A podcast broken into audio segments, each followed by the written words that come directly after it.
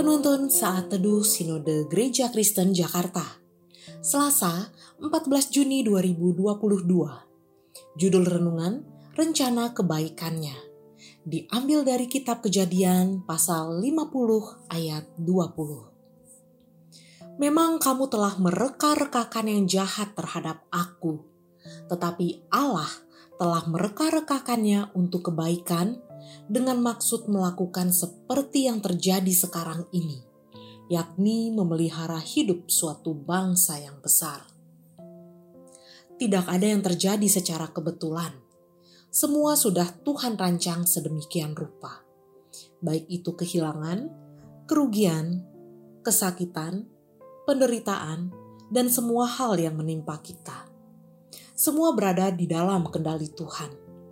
Apa yang kita alami bukanlah sebuah hukuman, melainkan sebuah proses yang membuat kehidupan kita semakin kuat. Dalam peristiwa pada renungan hari ini, Yusuf menampilkan pola pikir yang berbeda dengan apa yang dimiliki orang pada umumnya. Walaupun Yusuf menjalani kehidupan yang berat di mana dia dijual oleh saudara-saudaranya untuk menjadi seorang budak, difitnah dan masuk ke dalam penjara. Dia meyakinkan bahwa semua itu adalah rencana Tuhan. Dalam perjalanan yang berliku-liku itu, Yusuf masuk ke dalam proses Tuhan, sehingga pada akhirnya Yusuf dapat menjadi seorang pemimpin yang berintegritas untuk memelihara hidup keluarganya dari kelaparan. Semangat hidupnya diasah lewat berbagai pergumulan dalam kehidupannya kejernihan hatinya diuji dalam pengkhianatan dan fitnah keji atasnya. Kesetiaannya dipertaruhkan untuk bertahan di tengah penderitaan. Karena itu, saat perjumpaannya kembali dengan para saudaranya, dia menyatakan imannya bahwa Allah memiliki rencana yang baik, bahkan mengubah rencana yang jahat menjadi indah pada waktunya.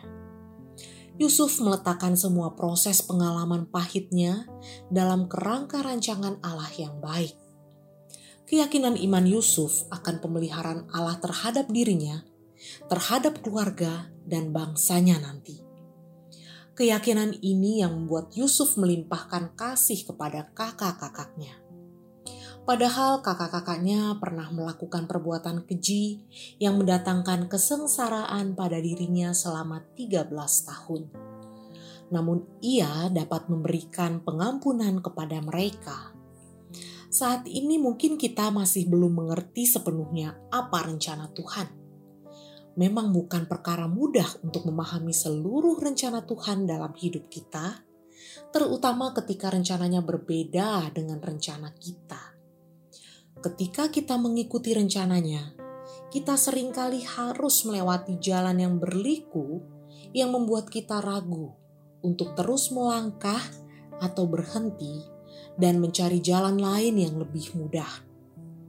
Namun, marilah kita belajarlah bersikap seperti Yusuf yang tetap bertahan menjalani rencana Tuhan dalam hidupnya, walaupun jalannya adalah jalan salib, via dolorosa jalan penderitaan tidak selalu berakhir pada kesedihan.